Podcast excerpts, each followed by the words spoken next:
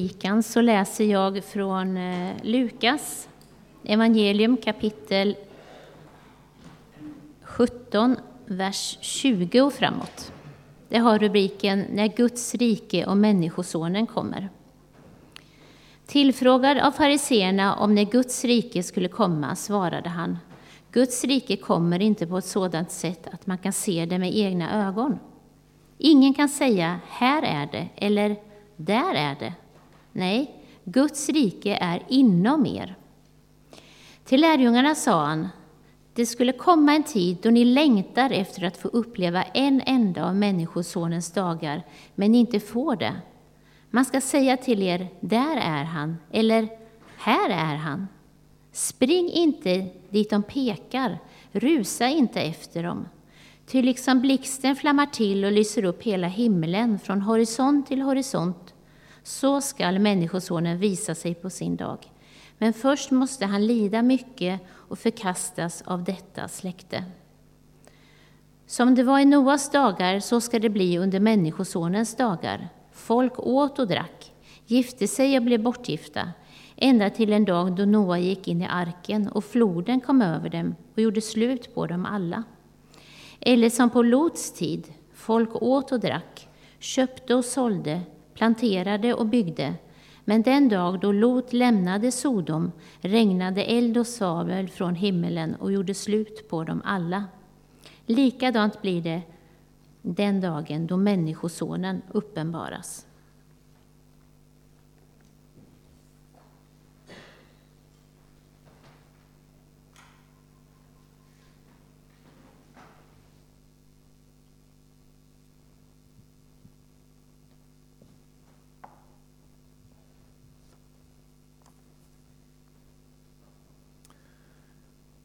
God morgon.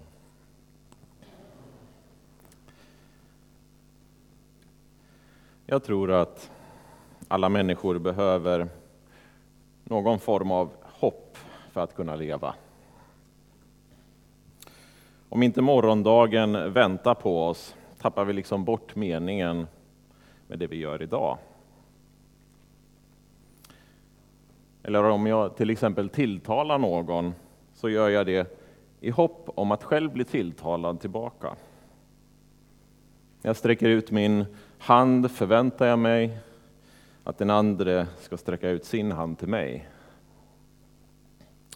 Utan det här ständiga framtidshoppet som liksom driver våra liv framåt tror jag att livet lätt förlorar sin mening.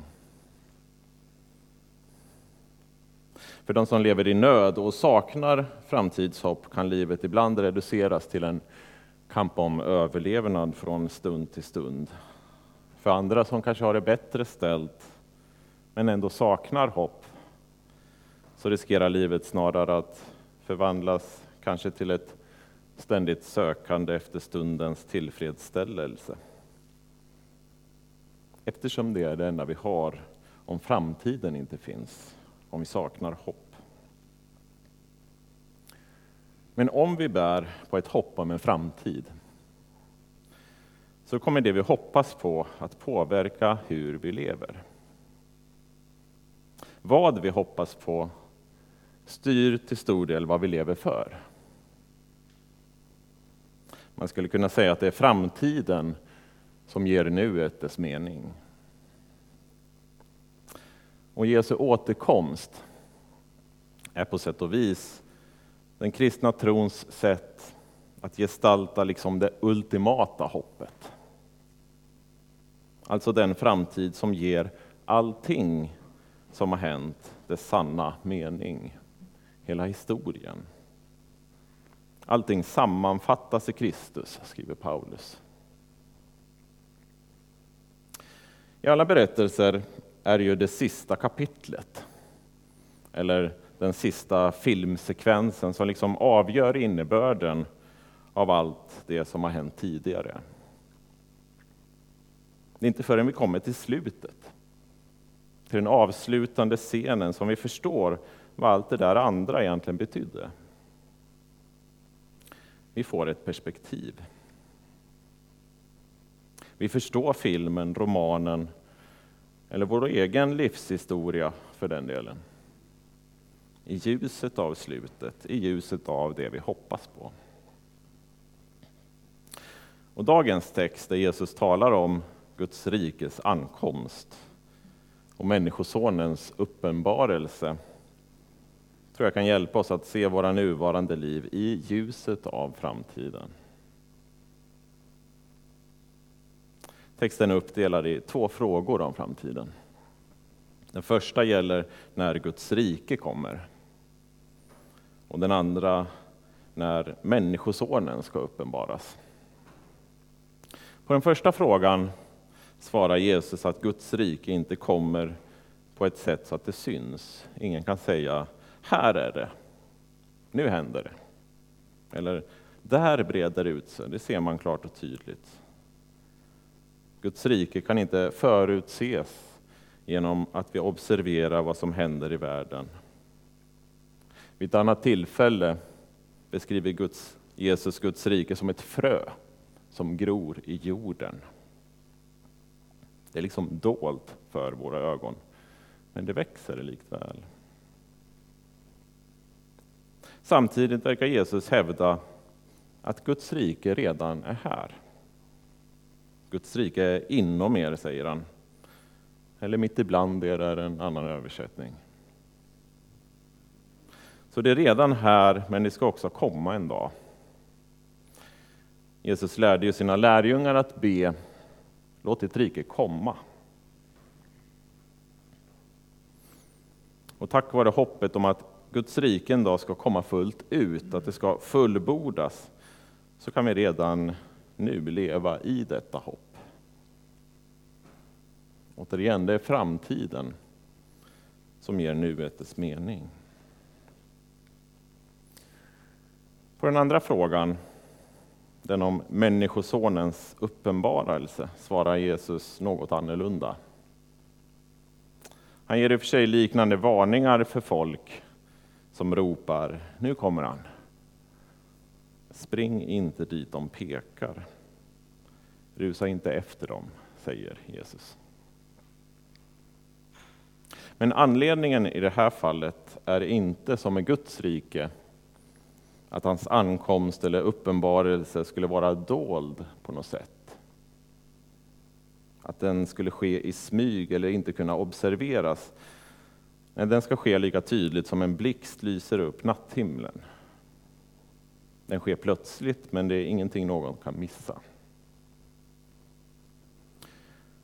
Men trots Jesus förmaningar har folk inte kunnat låta bli att försöka förutsäga eller rent av förutspå Kristi ankomst. Jag tänkte jag skulle berätta om några kända förutsägelser där folk verkligen har sprungit dit det har pekats. I vissa fall har det nog inte gjort så mycket. Det kan rent av ha fungerat som en katalysator och gett kristna energi att eh, evangelisera eller ta sin tro på större allvar. Men ibland har besvikelsen över felaktiga förutsägelser lett till att människor tvärtom har tappat sin tro. Och I några fall har det fått katastrofala följder med krig och blodspillan som resultat. Men jag tänkte börja med en besvikelse. Den stora besvikelsen, the great disappointment i USA under väckelsen på 1800-talet. Hundratusentals människor var övertygade om baptistpredikanten William Millers förutsägelse. Han hävdade att Jesus skulle komma tillbaka senast den 21 mars 1844. Datumet flyttades senare fram till oktober. Men när inget inträffade då heller utbröt en oerhörd besvikelse bland hans anhängare. Precis som många andra hade Miller baserat sina förutsägelser på Daniels bok i Gamla testamentet. Och anledningen till att man så ofta går till just Daniels bok är att Jesus beskrev sig själv som Människosonen. Och Människosonen är en gestalt från Daniels bok, där det finns drömmar nedtecknade om Människosonens ankomst. Det talas även om att templet ska få sin upprättelse efter 2300 kvällar och månader. Och när Miller räknade om dessa dagar till år, eftersom ett år är som en dag för Gud, så landade han i år 1844. En annan vers i Daniels bok som ofta hänvisas till är den om att de heliga ska vara utlämnade under en tid, under en tid, två tider och en halvtid, står det. Det har tolkats som tre och ett halvt år, vilket blir 1260 dagar. Och det här talet intresserade man sig för även i den islamska världen. Den eh, persiske profeten Bab, som grundade bahaismen, eller bahai-religionen på 1800-talet, räknade 1260 år från Muhammeds födelse. Det vill säga enligt islamsk tideräkning. Och vilket år, årtal tror ni man landar i då? 1844. Men det är inte bara i USA eller i Iran man har sysslat med förutsägelser. I Sverige har vi vår egen eh, Emanuel Swedenborg. En stilig gentleman. Han påstod att den yttersta domen ägde rum redan under hans livstid på 1700-talet. Men inte i den fysiska världen, utan i andevärlden. Jesus kom enligt honom tillbaka, inte personligen, utan som en uppenbarelse som hjälpte Swedenborg att förstå Bibelns andemening. Mm. Och hundra år före det har vi Isaac Newton. Kanske ett något oväntat namn i det här sammanhanget. Han är mer känd för sin gravitationslag. Inte graviditetslag, som jag råkade säga i högstadiet. Det fick jag äta upp kan man ju säga. Jag blir fortfarande lite nervös när jag uttalar ordet. Gravitationslag. Hur som helst. Newton var också intresserad av de här grejerna. Han tog också fasta på det här talet 1260. Från versen att de heliga skulle vara utlämnade under en tid och två tider och en halvtid. I sina dagböcker, alltså personliga dagböcker, så spekulerade han för sig själv att den här 1260 år långa perioden av fördärv måste ha påbörjats år 800. Och varför just 800? kan man ju undra. Vad var det som hände då? Jo, det var då som påven i Rom krönte Karl den store till kejsare av Rom. Att kyrkan slog sig ihop med den politiska makten var för Newton höjden av fördärv. Och efter 1260 år av detta påvevälde så landade Newton i att Gud kommer att gripa in och göra någonting nytt år 2060. Alltså från 800 till 1260 år, det blir 2060. Som 37 år får vi se om Newton hade rätt eller inte. Det är sånt här vi inte får lära oss i skolan. Jag skulle kunna fortsätta med många fler Kristoffer Columbus är en annan som var väldigt passionerad för det här. Men vi nöjer oss här tycker jag. Min poäng är att hela kyrkans historia är full av sådana här berättelser. Det förekom till och med i de allra tidigaste församlingarna som Paulus grundade, bara några decennier efter Jesu död och uppståndelse. Två av hans brev till de kristna i Thessaloniki finns bevarade i Nya testamentet.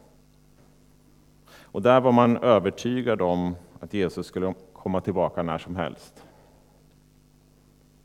Så Paulus var tvungen att reda ut lite olika missförstånd. Vissa av församlingsmedlemmarna hade nämligen slutat att arbeta eftersom Jesus ändå skulle komma tillbaka vilken dag som helst. Deras syn på framtiden formade med andra ord hur de levde i nuet. Fast när Herren dröjde och de äldsta i församlingen började dö av ålder verkar den här vissheten ha övergått i oro. Hur ska det gå för de som har dött? Kommer de också att bli räddade? Och inte blir det bättre när några börjar påstå att Herrens dag redan har inträffat. Att Jesus redan skulle ha kommit tillbaka som en tjuv i natten och vi har missat honom. Paulus har ett och annat att reda ut för att lugna församlingen. Han skriver bland annat så här. När det gäller vår Herre Jesu Kristi ankomst, då vi ska samlas hos honom, ber vi er bröder att inte strax tappa fattningen och bli uppskrämda om man hänvisar till anden eller till något som vi skulle ha sagt eller skrivit och säger att Herrens dag är här. Låt inte lura er på något vis.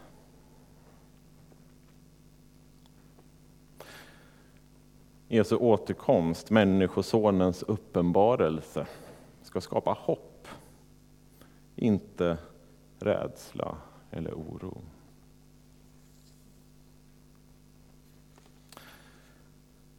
Men innan jag går in för landning vill jag först bekänna ett par saker.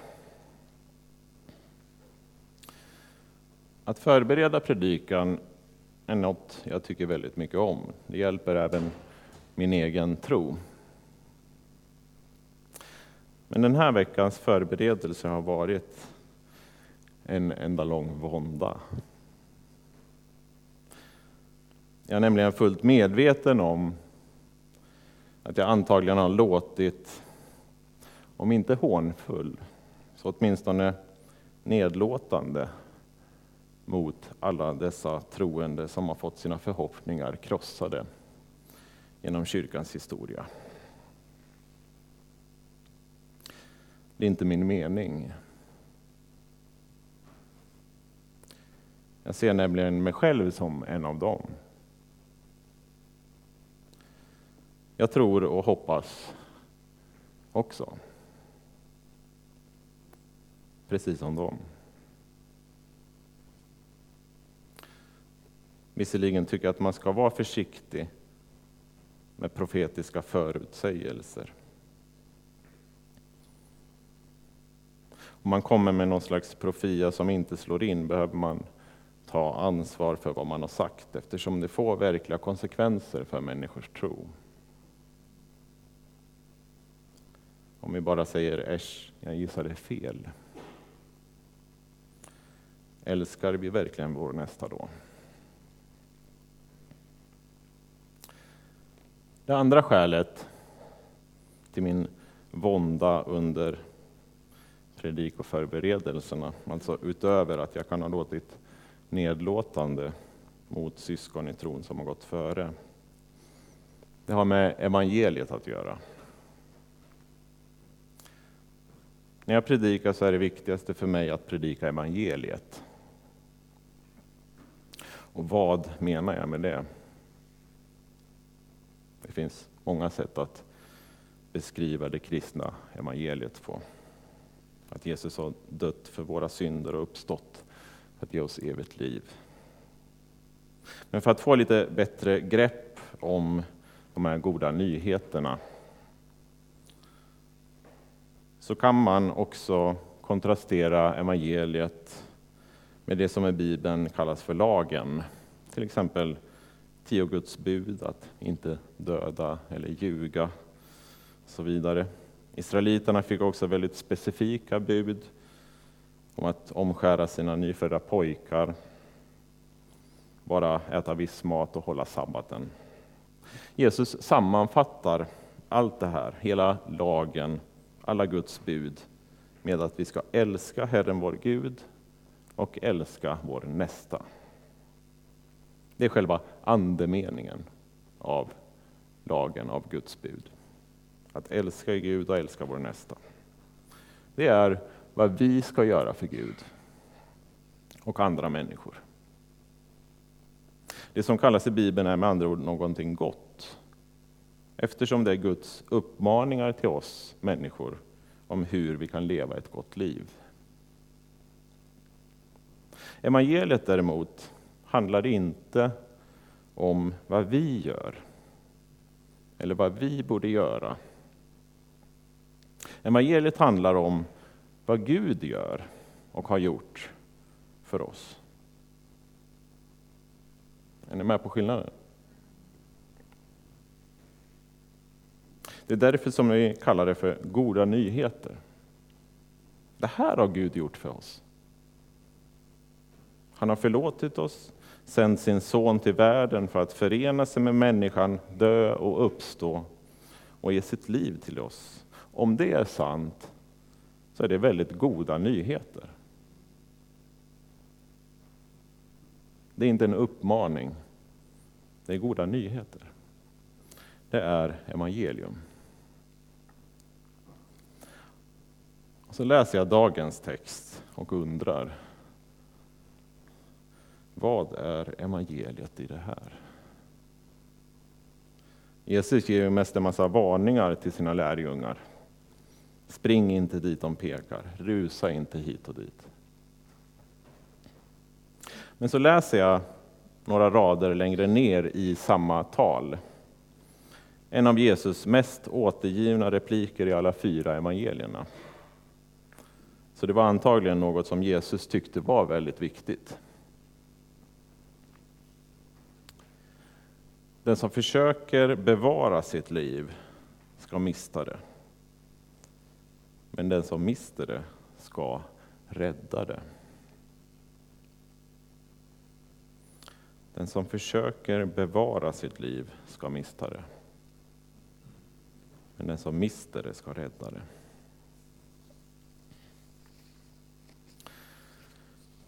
Här fick jag mig en tankeställare. Använder jag, eller vi som kristna, Bibelns böcker eller Jesus ord som ett sätt att försöka bevara vårt liv? Det är värt att fundera på. Går vi på gudstjänst för att försöka bevara vårt liv och inte mista det? Jesus sa att den som mister sitt liv ska rädda det.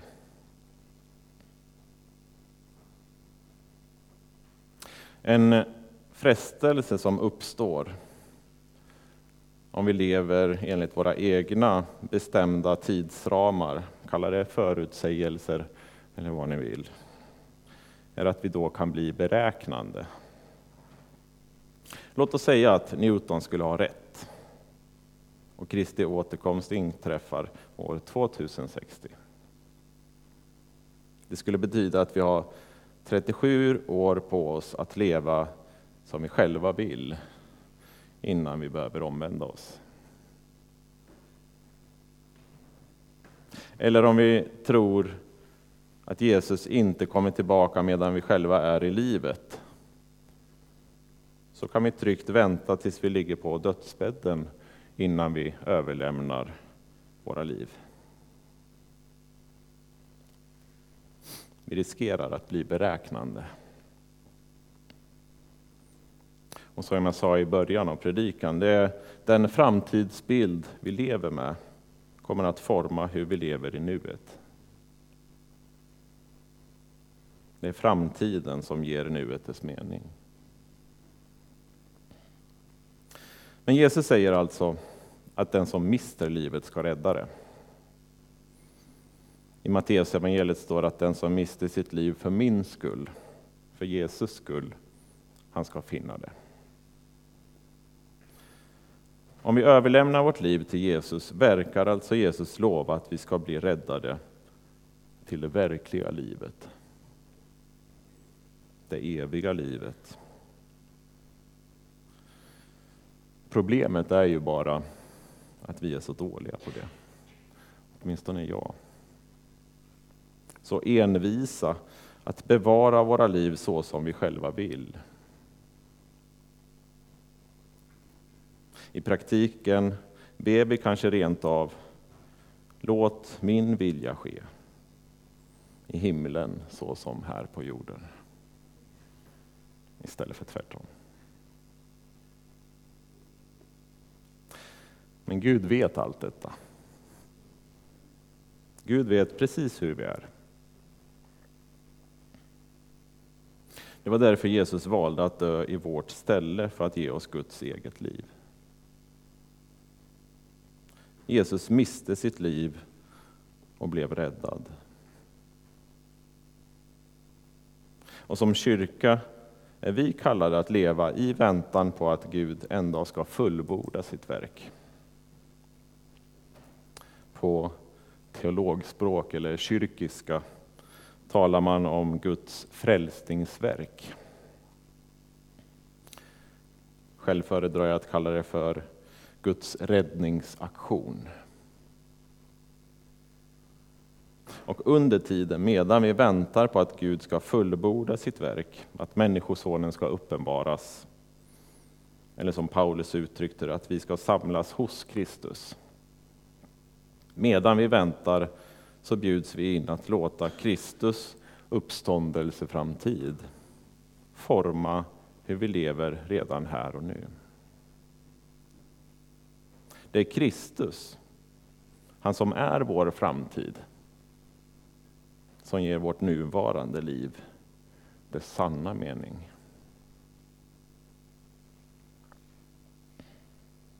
Låt oss be.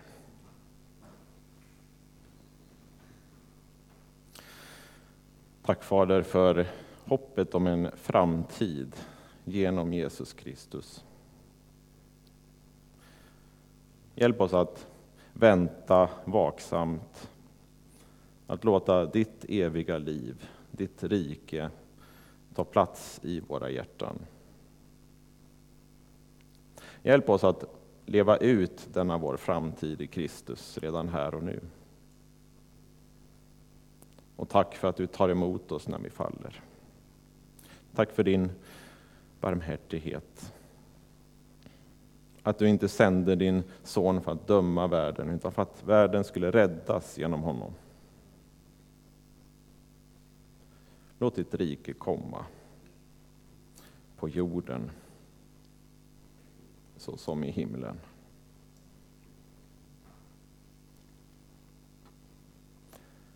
Amen.